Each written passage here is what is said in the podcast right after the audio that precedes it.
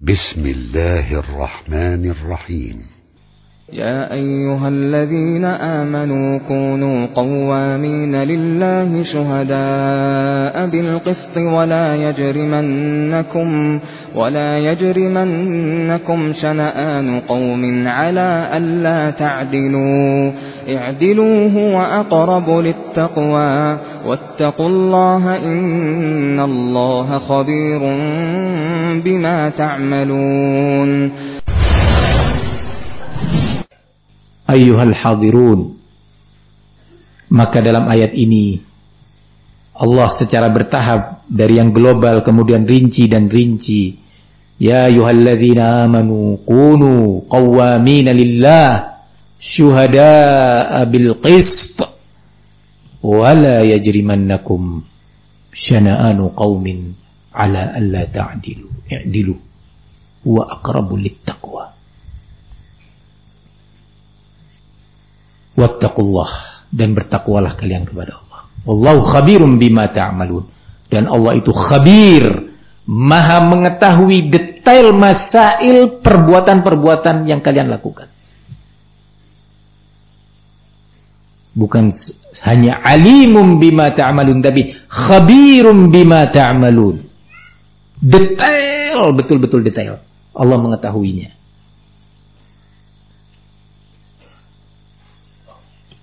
ayuhal ikhwah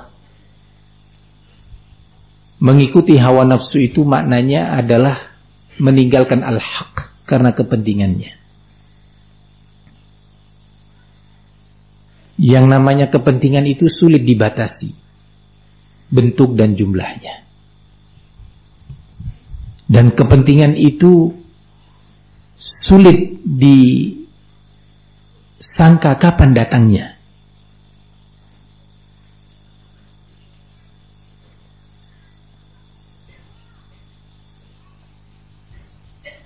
Sekali lagi, kembali kepada awal yang kita dengarkan di majelis ini. Ar-Rasul alaihi salatu wassalam mengajarkan berulang kali benteng-benteng doa. Permohonan perlindungan kepada Allah dari kejahatan jiwa kita.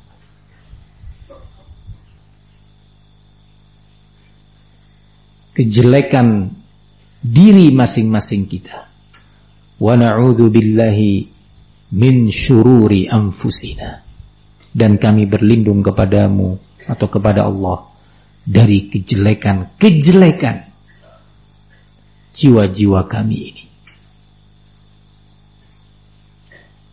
Ketika seseorang mengikuti hawa nafsunya antara lain tidak mau lagi bersaksi dengan al-haq, dengan adil, dengan mizan yang benar.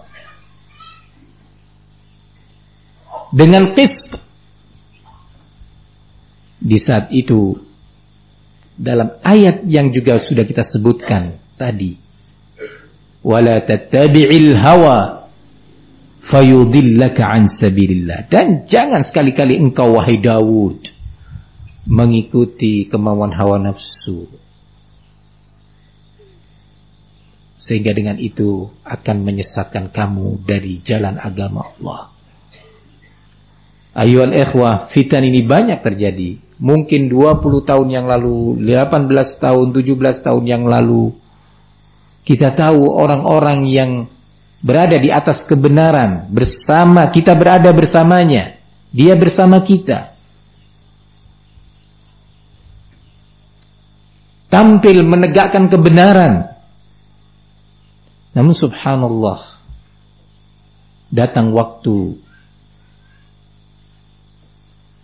datang permasalahan sebuah kasus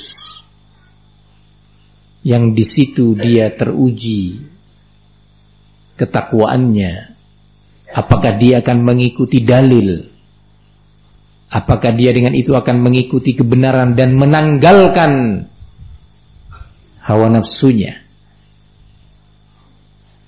saat mulai dia mengikuti kemauan dan bisikan hawa nafsu, ah gengsi dong. Kalau saya mengatakan itu yang benar berarti akan ketahuan saya salah selama ini. Gengsi. bagian daripada hawa nafsu. Oh nanti mereka akan meremehkan dan mentertawakan saya. Gengsi, bagian daripada hawa nafsu. Sehingga dia menolak kebenaran. Menolak konsekuensi yang Allah perintahkan dalam ayatnya. Wa idza ja'ahum amrum minal amni awil khawfi adza'u bih. Konsekuensi hadis Nabi alaihi salatu wassalam. Al barakatu ma'a akabirikum. Berita dari Nabi tapi mengandung perintah al barakatu ma'a akabirikum berkah ilmu berkah fatwa dan bimbingan itu bersama orang-orang atau ulama-ulama kibar di tengah-tengah kalian ini berita kabar tapi ya yatadhammanul amr, dia mengandung perintah. Maknanya apa? Kembalikan urusan kalian bersama mereka. Hawa nafsu kala itu saat ujian itu datang nggak mau. Apa sebabnya? Banyak. Dia punya target-target. Kalau saya ikuti bimbingan ini, dalil ini, kebenaran ini, maka target-target yang sudah saya canangkan sudah siap-siapkan ya, itu akan gagal. Maka dia mengatakan tidak. Maka mulai syubhat-syubhat keluar. Bermula dari itu tadi. Gengsi, ambisi, syubhat keluar.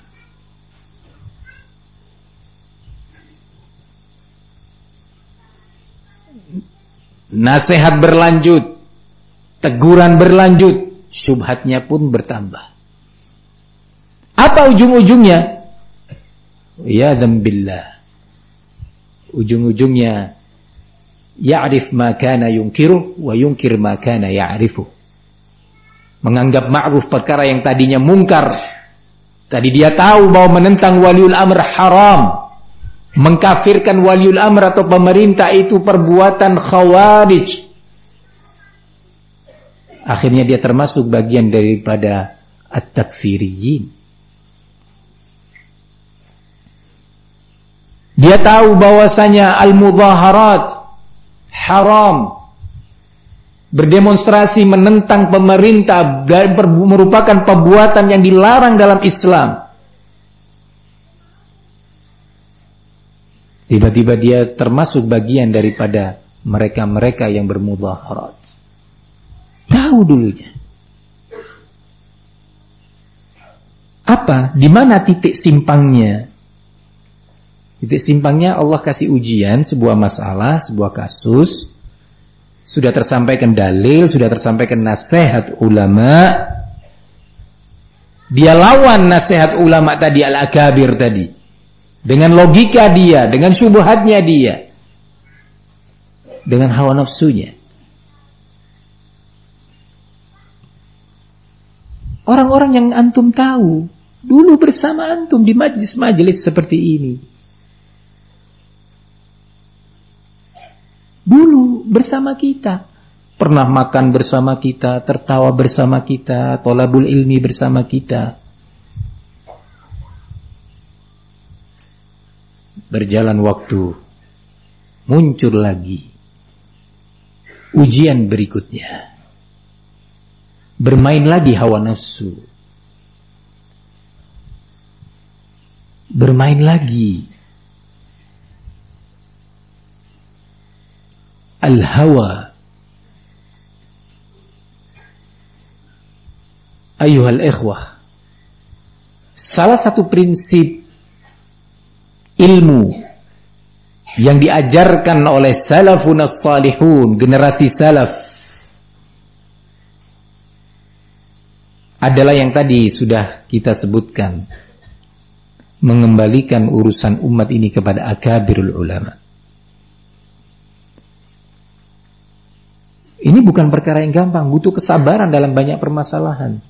Dalam banyak kasus butuh as-sabr dalam mengamalkannya. Bukan semudah di saat kita membaca atau menulisnya dan menyampaikannya. Tapi ada masa-masa kalau Allah tabaraka wa taala tidak menolongnya tidak bakalan dia mampu mengamalkannya. Tidak bakalan dia mampu untuk menundukkan hawa nafsu dan mengalahkannya demi mengamalkannya tadi. Di depan mata kita banyak peristiwa.